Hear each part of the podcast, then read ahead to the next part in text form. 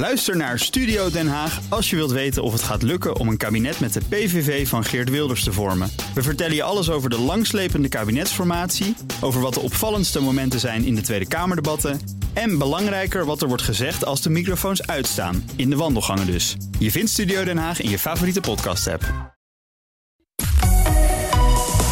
BNR Nieuwsradio. The Big Five. Diana Matroos. Welkom bij BNR's Big Five. 5G is here to stay. Dat lijkt het motto van de providers die het nu al aanbieden op de nieuwste telefoons. Maar tegelijkertijd zijn er nog heel veel rode vlaggen rondom dit thema. Welke pijnpunten moeten absoluut geadresseerd worden voordat we 5G echt kunnen omarmen? Daar hebben we het deze week over in BNR's Big Five van 5G. Vandaag bij mij te gast de ambassadeur van de Verenigde Staten in Nederland, Piet Hoekstra. En that's why we're going to switch to English now. Mr. Ambassador, welcome. Thank you for joining us uh, today in our show. Well, thank you. Thank you very much for the for the invitation. Looking forward to it. Okay, great. Uh, as you know, uh, today's show is all about 5G, uh, but let's start with some latest developments from your country, from the United States. I was wondering, have you been in contact with President Trump lately? I have not. Okay, no? the, uh, the the president is in full campaign mode. Uh, America's in full campaign mode. Uh, as an ambassador, I have to stay outside of partisan politics. Uh, that's one of the uh, you know the rules that we have. You don't get involved in politics in America. You don't get involved in politics in the country where you are posted to. Uh, so right now, we're kind of an observer as to what's going on in the United States. So, what was the latest time that you had contact with him? Well, I mean, you know, I don't talk to the president very often. No? No, no. So I, I was mean, wondering, how does it work? The ambassador and the president of the United States, do they have contact? Yeah, we have. I have a lot of contact uh, with people in the National Security Council in the White House. Uh, as recently as last week, uh, we had uh, you know we had a major briefing uh, from the National Security Council to Dutch uh, security experts within the last within the last ten days. but you know, talking to the president directly, yeah, he's he's a pretty busy guy. yeah. So you know, talking to to ambassadors you know, it may or may not happen on occasion, yeah. Uh, but not very frequently. Only when there's an important uh, topic going on. Uh, where you're not getting the kind of response that you would like to get out of the State Department or out of the bureaucracy, uh, you know, then you may take uh, yeah. the opportunity and say, you know what, I'm going to go directly to the president. Yeah. Uh, but it doesn't happen very often. Okay, okay. Well, that's good, I think. Uh, yes. Um, uh, when you see his recovery, how are you looking at his recovery? Well, I mean, it, you know, from because he feels strong. Yeah, I mean, it looks like uh, you know after. Uh, uh, you know, a weekend in the hospital uh, under a COVID diagnosis for you know a short period of time. Uh, that he's gone through a very very quick recovery. He's in a a risk group in that he's you know over 67 uh, so you know hey we're thankful. We're thankful that uh, the president uh, has recovered so quickly. Uh, you know it's the kind of recovery uh, that we wish uh, and we hope uh, for everyone that gets COVID. That yeah, uh, President can... Trump is also mentioning that. Uh, we hope every American. We, I'm sure that every American will recover from this disease. but of course, we also know that the cost that for the treatment he was on is is like twenty five thousand dollars a day. Yeah, I, I, well, you know, now a big part of that is probably just staying in in the hospital overnight. Yeah, uh, for because he's the president, nights. and he's the president of the United States. yeah. I, you know, I would guess that when Boris Johnson was in uh, a hospital, he or got he received the finest care that was available in the UK, yeah. uh, and I would expect the same thing here for uh, Prime Minister Rutte if yeah. Uh, if he got seriously ill with COVID or something else. I mean, these are these are the leaders of your country, and you want to get them back healthy as quick as possible. Yeah, that's understandable, of course. Uh, we're going to talk about 5G and technology, but first of all, uh, Mr. Ambassador, are you a real techie? I am not uh, a real techie. My kids would be the first to say, "Yeah, we're helping Dad all the time." Oh yeah. Yes. what what what are they helping you uh, with? Uh, turning on the TV and getting to the right, uh, you know, whether it's Humax or you know, American Armed Forces Network or Netflix or whatever. Uh, you know, whenever we screw something up, it's like, okay, I can spend about a half hour working the three or four different remotes to get back to uh, to what I want to be watching, or I can call my kids uh, and they will get me back there in sixty seconds. Yeah. So we will talk to our kids. And and the smartphone, how many hours a day? Um, well, I mean, I, I spend a lot of time in the car traveling from one place to another, uh, and especially during COVID times, you know, I'm spending three to four hours uh, a day either on the phone or on my iPad or on the computer. Yeah. When it comes to technology, we're all more dependent on it, um, like uh, to be connected, also in these COVID uh, times. And some uh, some people are scared about this because we are too uh, dependent on technology. Do you also think that? Well, it shows a real vulnerability. Yeah. Uh, the, you know, and we've all probably experienced at one time or another, whether you're a techie or not, uh, that you become disconnected for whatever reason. Uh, Yeah. The system breaks down, or you've made a mistake, and all of a sudden you see how vulnerable you are uh, because you're no longer connected. You can't do the things that you've been doing for, you know, the last month, for the last six months, uh, to make sure that you you're productive in, in the work that you Yeah. need to do, that you can stay connected to your friends and family, uh, and all of a sudden, whoa, whoa, whoa, wait a minute, what happened here? Yeah. Uh, so it shows, technology shows the power of what we can get done, uh, but it also shows that when it doesn't work, uh, you know that we are we face significant consequences. Yeah. Does this worry you? Uh, the um, yeah, of course it does. I mean, this is one of the reasons why we talk about 5G. Yeah. Uh, because what we want to do is we want to build systems uh, with reliable and trusted partners, uh, and we don't want to put a 5G network or something like that in, uh, into the hands of someone that is maybe not totally trustworthy uh, or reliable. The Big Five. Diana Matroos. Deze week praat ik met vijf kopstukken uit de wereld van 5G. En mijn gast vandaag is Piet Hoekstra, de ambassadeur van de Verenigde Staten hier in Nederland. En vanwege mijn gast doen we het interview vandaag ook in het Engels. En you were already addressing the problem we have with uh, 5G. Uh, Mr. Ambassador, the issue of 5G is uh, actually a conversation that we had one and a half years ago. So you uh, warned us already then. Uh, did it help all those warnings? Well, I think it is. I mean, when you take a look at what I work on on a daily basis here in the Netherlands, I spend a tremendous amount of my time focusing on national security issues. Uh, and I spend a tremendous amo- amount of my time talking about economic security. Economic opportunity and those types of things. And this is where 5G really uh, crosses both of those boundaries. From the United States, uh, I've talked about, and you know, this administration has talked about how important 5G is from a national security standpoint, uh, and also how important it is from an economic security standpoint. And I'm not sure we were warning. I mean, it's been a, it's been a process of discussions with the Dutch government, uh, with other governments in the EU, with the UK. Uh, it's been a process of identification of uh, of issues. It's been a process of providing information. So, has the dialogue over the Yeah. last eighteen months has it had an impact? Absolutely. And and and who is the best listener in Europe? Who's the best listener?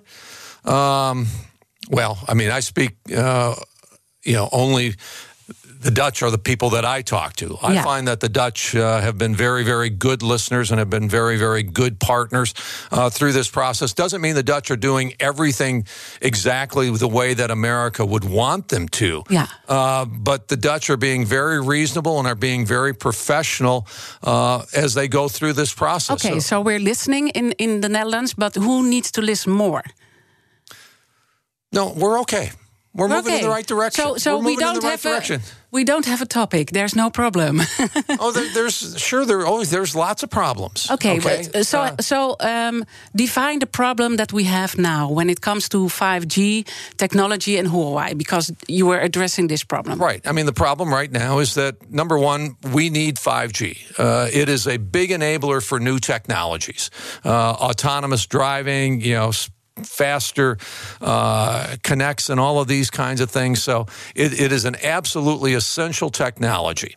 Uh, I think the the biggest issue that we and I think the Dutch are going to get to the right place on this. Okay, I think the Dutch are going to build uh, out a network uh, that is secure and reliable.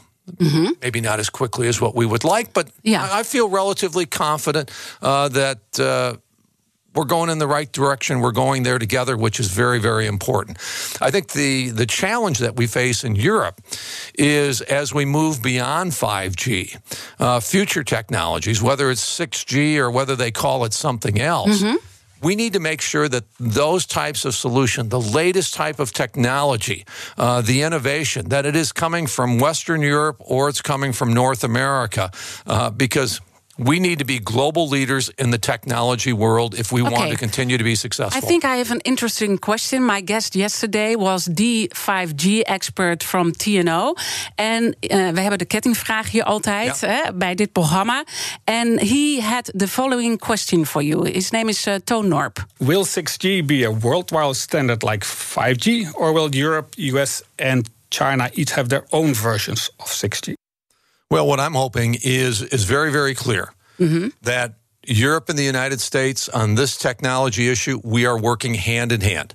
We are totally together. We will have a unified standard, and that standard. So, no different standards. Not different standards. And the standard that we have uh, will be supported by the best technology in the world. Yeah. And it will come either out of Europe, it will come either out of the United States or North America, or it will come out because there's a combination uh, a collaboration and cooperation between Europe and the United States. Yeah, but the experts say uh, let's switch to 5G again because we have the situation now when it comes to uh, 5G.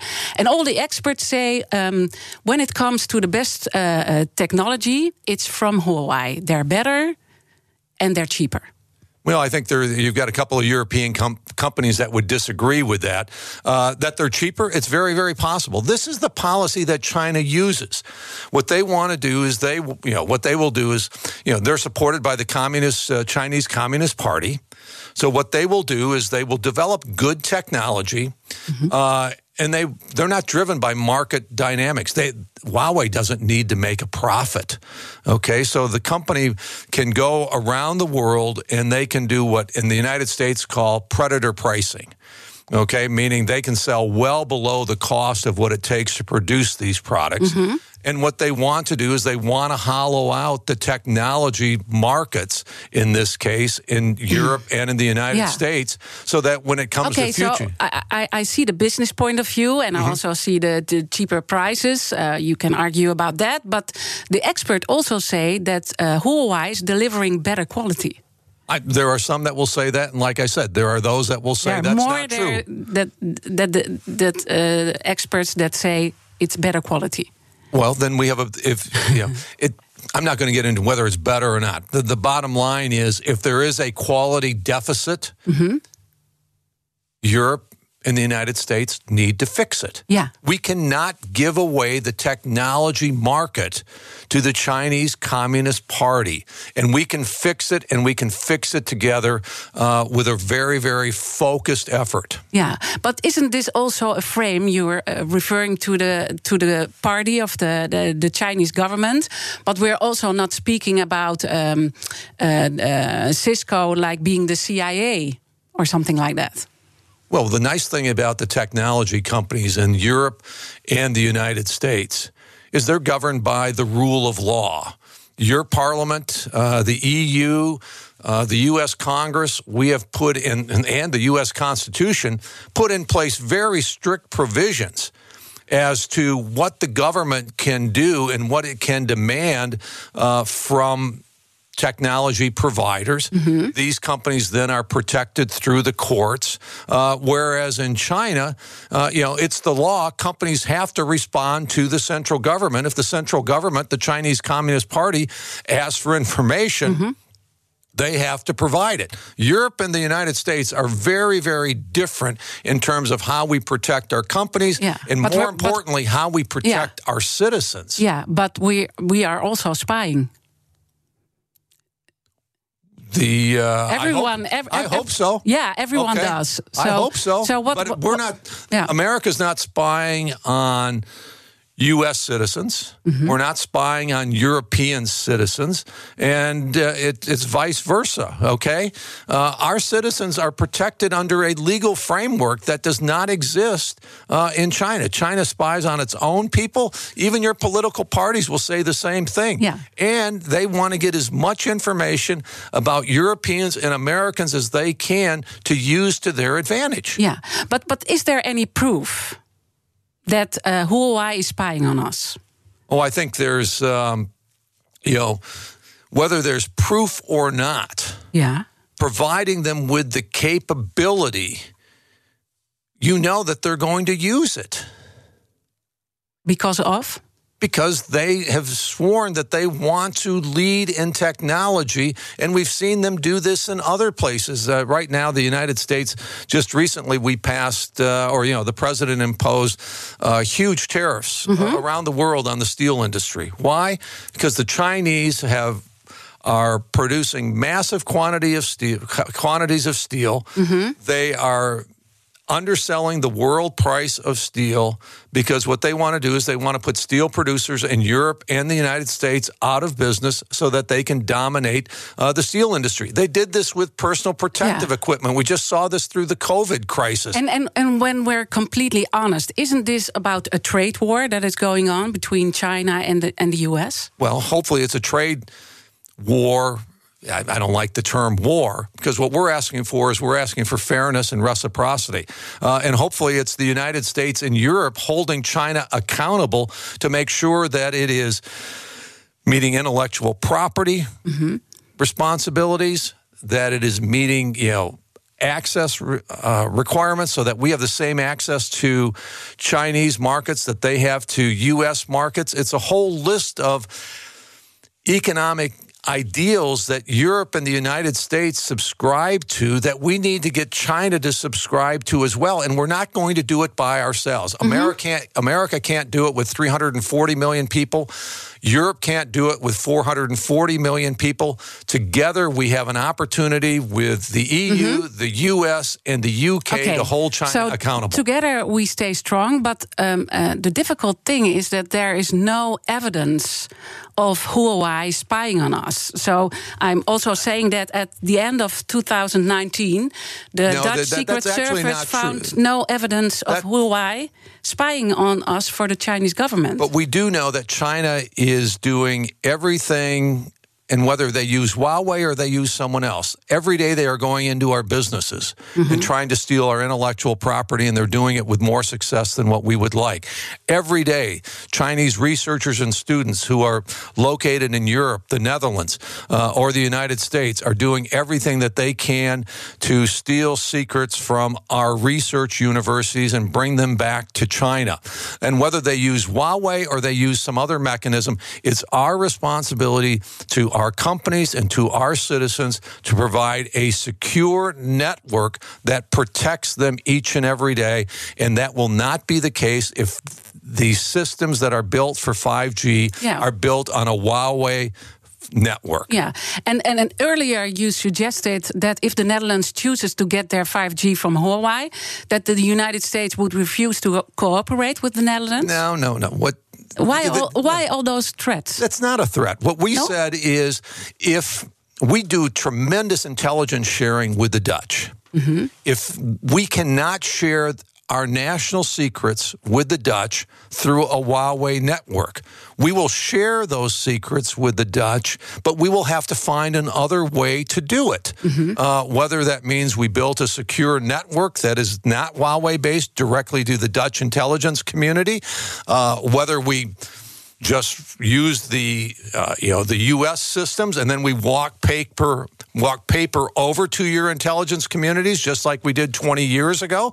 But we will not put America's intelligence, and the Dutch shouldn't put their intelligence on a Huawei system. Yeah. we will have to find another way to communicate. We are not going to sacrifice the intelligence relationship that we have with the Dutch, but, But, you, we're not but going you will find other ways to we will have to find other ways to do it, which Yeah. will probably be less effective and efficient than what we have today. And when you're talking about so there are consequences. there are consequences, and the biggest one would be speed. yeah. Okay, in, in today's world, you need speed, and if we, if we are not connected uh, with the latest technology between our intelligence folks and the Dutch intelligence folks, we will sacrifice speed uh, because we will have to use another mechanism to do it. Okay, but that's a threat. It's not a threat. It's just common sense. Why would you share national intelligence secrets on a system that is controlled by the Chinese Communist Party? It makes no sense. Yeah. That's not a threat. That's just a realization. It says we will share information with the Dutch. Je hebt wel, de Nederlanders hebben wel lange tenen. That is not a threat. It's just common sense. ja, okay? Vindt u dat? Hebben we lange tenen? Yeah, you have wel lange tenen. Yeah? Uh, yes. yeah, uh, because the, you know, that, oh, that's a threat. That is not a threat. It's just like, you know, why would you, you know, why would you put the most important information that we share as countries on a system that is controlled by the Chinese Communist Party. Yeah. It just says, no, that, that, that doesn't make any sense. But we, no, we will find other ways to cooperate. We're just concerned that it would not be as effective as using the Okay. latest technology. So there will be cooperation, but the speed uh, will go down. it may go and, down. And, and, and, and, and that's impactful, right? We, it When may it go comes down. to, I uh, don't know what the alternative network will be to communicate with the Dutch, or how much we are willing to spend, and how much the Dutch are willing to spend. Uh, to go around a system if we have to. Like I said, I'm optimistic the Dutch are going to create a system for all of their businesses and all of their people that will be reliable and trustworthy. Oké, we praten straks eh, verder. En dan gaan we ook praten over Amerika. Wellicht niet langer de absolute wereldmacht. Zeker als we kijken naar de technologie. Wat doet dat met je als je ambassadeur bent van dat land? Ik praat zo verder met Piet Hoekstra. BNR Nieuwsradio. The Big Five. Diana Matroos. Welkom bij het tweede halfuur van BNR's Big Five. Deze week praat ik met vijf kopstukken uit de wereld van 5G.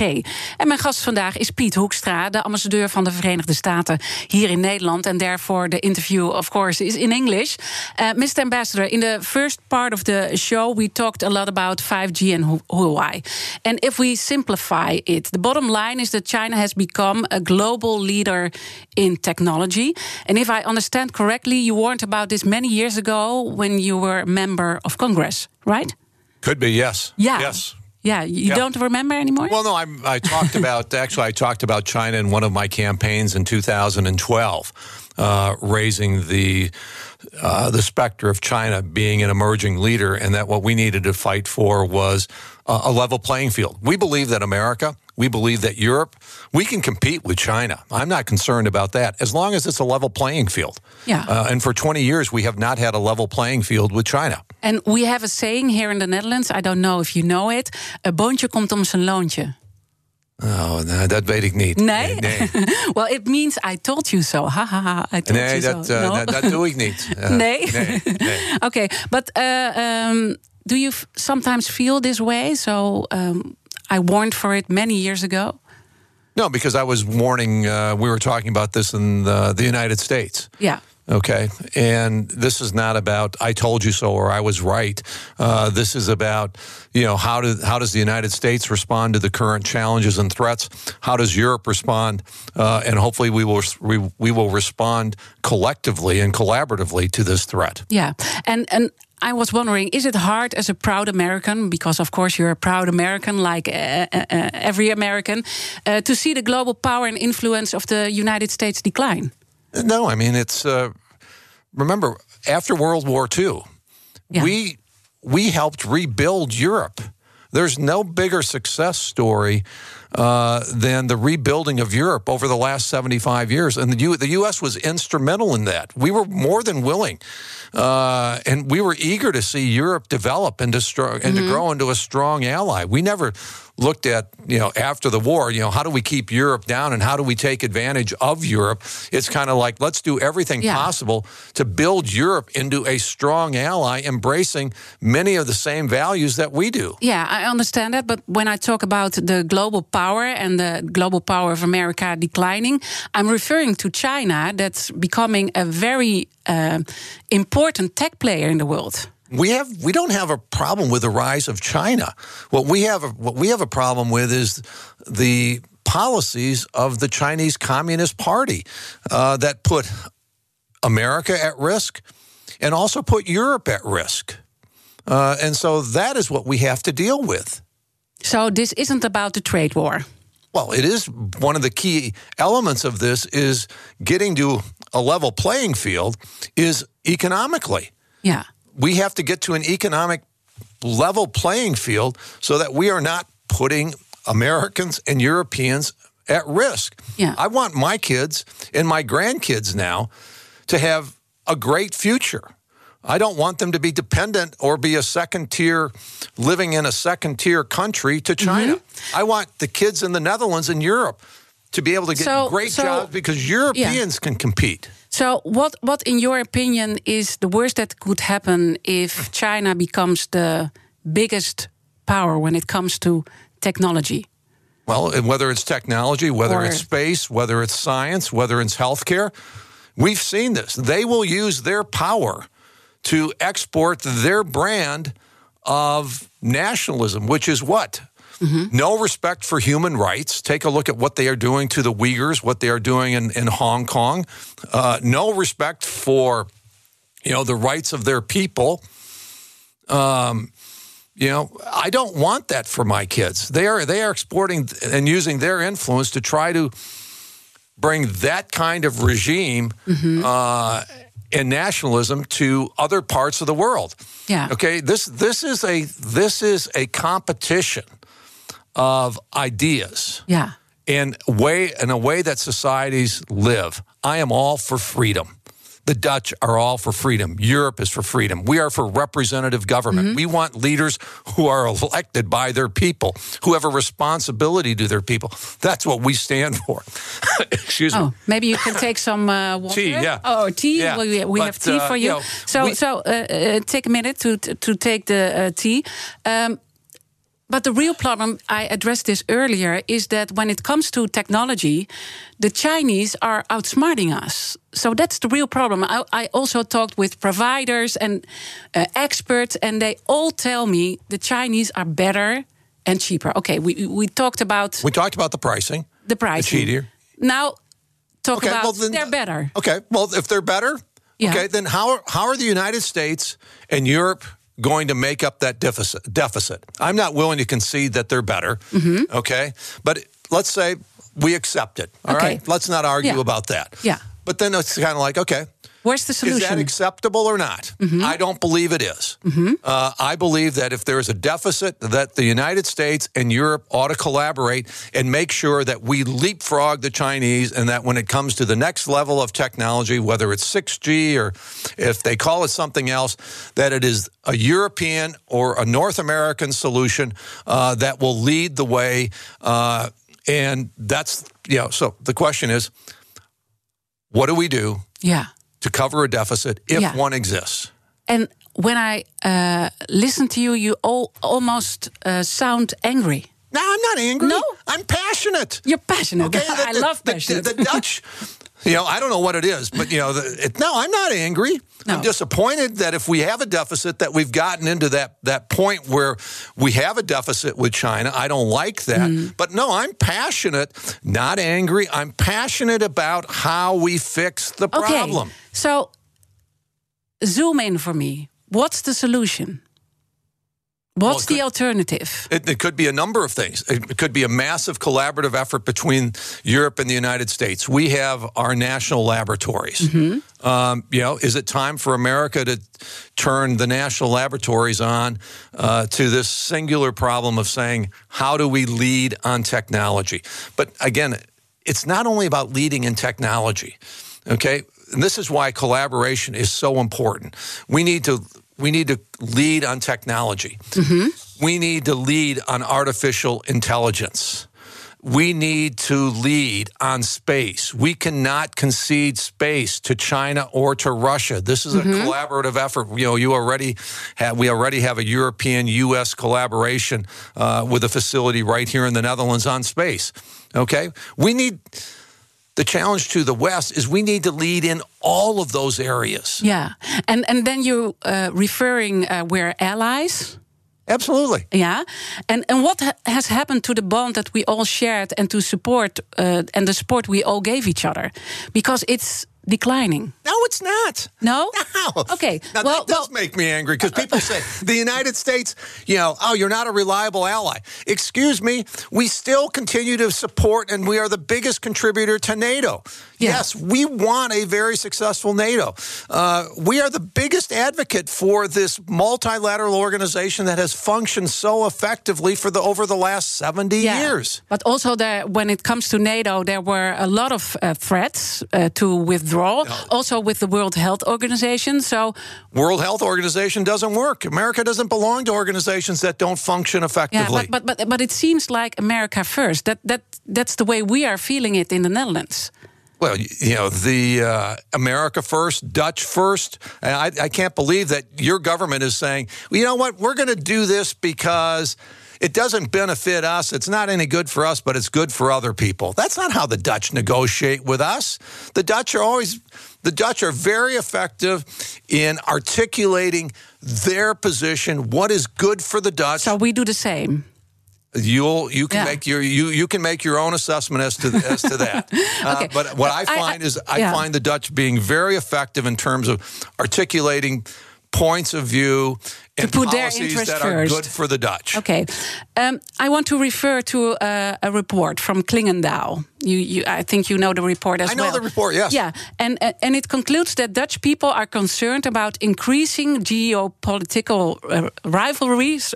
Ik ga, ik ga even de mist in. ik- ken het wel verstaan. Ja, maar, ik ga af en toe gewoon maar even op het Nederlands om er nog uit te komen. En eh, see US assertiveness as the part of the problem. Could be. But I mean, that was also the. Yeah, could be. the- This is in the Clingendael report. I know. I, I read it. It- it's I a also serious read the report, question. right? I also read the question that said, you know, the Dutch don't like America, as they said, you know, since, you know, and I, I'll paraphrase it in my own little way. Okay, Yeah. since the UK is left has left uh, the EU, and since the United States is terrible under President Trump. Uh, and is not reliable. Uh, who should we form a deeper relationship with? And the, the numbers came back very negative. They, they could have also asked, let's see, since uh, you know the United States pays for the majority of our national security and is the biggest contributor to NATO, and rebuilt Europe after World War II, who should we build a closer relationship with? You would get a different answer. Yeah. Um, let's talk about it uh, some more in a few minutes. To talk with you, thank you. BNR Nieuwsradio. The Big Five. Diana Matroos. Je luistert naar BNR's Big Five van 5G. En mijn gast vandaag is Piet Hoekstra. Hij is de ambassadeur van de Verenigde Staten. En uh, therefore we're going to switch to English back again. Uh, Mr. Ambassador, we were talking about the balance of the world uh, power. And when it comes to the relationship between the Netherlands and the United States, why would we in the Netherlands hang on to the United States as our partner in the future? Oh, that's a decision for the Dutch. Yeah, but but Okay. okay, but uh, of course it's our I mean, what decision. ch- but but what's what would what will be the benefit? what will be the benefit? Take a look at the last 75 years. Mm-hmm. Okay. Who has stood next to the Dutch and who has stood next to Europe, not only for the last 75 years, but more importantly, the five years before that? Mm-hmm. Uh, and the Dutch have been great at commemorating the sacrifices that Americans, Canadians, and others made to liberate your country. Uh, when once that liberation took place, uh, America focused on rebuilding the Netherlands and all of Europe uh, into the economic uh, power that it is today. The economy in the EU today is larger than the economy of the United States. Yeah. Uh, we had the Marshall Plan. We also put in place, you know. Effective trade policies. We stand next to each other and we share the values of, of human rights, freedom, markets, and those types of things. Yeah. That is the alternative. These are the ideas that we are in competition with the rest of the world. That is the benefit uh, between this relationship. Yeah, and and and when it comes to the economic growth, uh, if we see the China uh, numbers, uh, the growth is going faster and faster because of the technology, and they're uh, a world player now. Now we've given China favorable access to the rest of the world's market. Yeah. In twenty um, in two uh, I was in Congress, and we had a vote to allow China to enter the World Trade Organization, the WTO. And the, the belief of the United States uh, and other countries was that if we allow China into the World Trade Organization, that it would start to adopt the trade policies of the West, access to markets, protection of intellectual property, and mm-hmm. those types of things, and that it would harmonize with the West. That's not what happened. What happened is China took advantage of the opportunity that we provided them to develop systems and markets and products and services uh, that enabled it to compete predatorially on the rest of the world. So, uh, that so has that to why, stop. uh, and, and and so that is why you're addressing. Uh, let's cooperate uh, together with the Netherlands, with Europe, with the, the United States. Um, but when I refer to the Clingendael report again, the Dutch people are very worried about um, the support we're getting also from uh, the United States because it's more and more America first. And it's America. the president is negotiating and talking with foreign countries each and every day to make sure that Americans uh, are part of the equation as we get to the final decision. It is the same thing uh, that the French, the Germans, and the Dutch do in these negotiations. Take a look at what's going on between the EU and the UK, something that the United States has nothing to do with. As far as I can tell, Boris Johnson is negotiating the UK first, and the EU is negotiating in a stance of the EU first, First. and hopefully one of and hopefully. What by Thursday they will have an agreement. So, because one of the things we will all benefit from is if there is a smooth transition and a smooth exit plan, because as our economies, all of our economies are under threat. We need a smooth transition uh, for the exit of the UK. Yeah. Um, uh, when I look at the report from Klingendahl, it also shows that followers of Forum for Democratie, PVV, and SGP are more US minded than others. Is that why you're in contact with these parties? Because I'm in contact with all the parties. Yeah. Okay, I mean, you, you I- tweeted that you were in the in, in the town of uh, Geert Wilders yesterday. And I and I uh, we were also we also were in the town uh, or we were in the province of Martijn van Helvert, and I sent a tweet out wishing Klaas Dijkhoff the best. Um, and I think we also tweeted if we have not. Uh, then we tweeted out that because we weren't sure, but I, if it's been confirmed that Abu, Abu Talib uh, in Rotterdam, uh, that we wished him a speedy recovery. So I think we covered uh, multiple parties. Uh, you know, we, um, you know, with the whole uh, FvD thing, okay, a couple of weeks ago. the fundraising event. That was not a fundraising event. Okay, come on, let's get the facts right. Yeah. Okay, I'm, I'm tired of the Dutch media mischaracterizing events. I have had 59 events with different political parties this year. We have had four town halls at either the embassy or my residence with different uh, political parties, and we've had countless town halls over video teleconference. So we are engaged with all of the political parties who want to engage with the United Yeah. States of America. GroenLinks, D66. We see you very also talk with uh, Bram van Ojik, right? Yes. Yeah. Okay. And Yeah. they are, I love talking to them. Why? Because we always find things in common. They are very close Okay. to exactly So- where so- the United States so- is on technology. So you're referring freedoms. to that that this is framing uh, that right? Framing. The media is framing. Media frames. it. I mean, totally, total distortion. So, so what? Uh, what is your explanation that we're not so supporting of the United States now in in, in the Netherlands when it comes to maybe to media or I don't know. You'll have. I, have spent two and a half years trying to figure out exactly uh, how the Dutch media works, and I still haven't figured it out. No. so, Okay. so you don't have uh, any explanation why there's not so much support for President Trump here in the Netherlands. Well, the uh, you know, President Trump is trying to bring about change. The change we believe will be good for Western democracies. Bringing a level playing field uh, and bringing China to a level playing field economically is good for our kids. It's good for our grandkids. We think it would be actually pretty good for for Dutch kids as well. Uh, you know, think of we did the Global Entrepreneurial Summit here two years ago Yeah. seeing some of the brightest Dutch kids uh, around. We do CES unveil, Yeah. the global uh, or the uh, Consumer Electronics Show. The, their home in Europe is here in Amsterdam. Mm-hmm.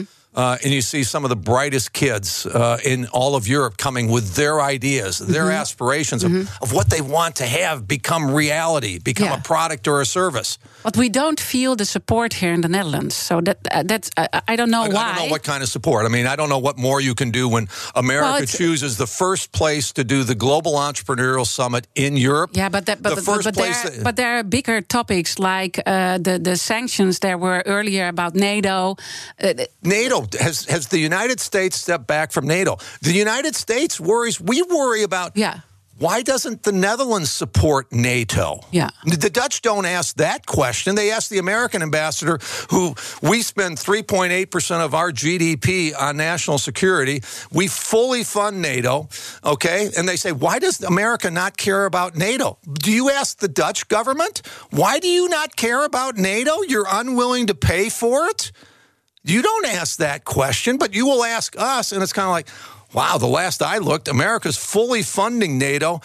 You're, you know, the Dutch, the Belgians, and others, they're not, but no one Are- ever are- asked are- them why. Are, are we are we being arrogant because we we think uh, Far be not, it from me to ever call the Dutch any kind of a name. Okay, the Dutch are being Dutch. Yeah. Um, but the question is, if you're going to ask America, why are you not supportive of NATO? As we fully pay for NATO, our share. Mm-hmm. Yeah. But then never say, oh, and by the way, oh, man, why do, why, why doesn't the Dutch government support NATO? Yeah. They're the ones that are unwilling to pay for it. So we have to reverse our question. I don't know, but you, you know, that's a Dutch decision. I'm not telling the Dutch to do Okay. what to do. We have uh, still an important task uh, to uh, do together because we have the kettingvraag en die gaat natuurlijk uh, door naar mijn gast ook uh, vanmorgen. So, Mr. Hoekstra, you may le- leave a question for the CEO of Vodafone, Yep. Ziggo, in the Netherlands here, and his name is Jeroen Hoenkamp. Yep. Uh, and the question is very straightforward. As a as a businessman and as you know concerned about the professional reputation and the legal liability, what is the responsibility of your company to provide a secure and trusted network to your users? And then you referring to Huawei again, Oh, I'm referring to 5G. 5G and Whoever the- Chinese technology, of course. Well, they can they Yeah. can decide whatever technology, but the the Oh. key is, you know, what's their responsibility Mm-hmm. to provide a network that is secure yeah. and trusted for their users. Okay.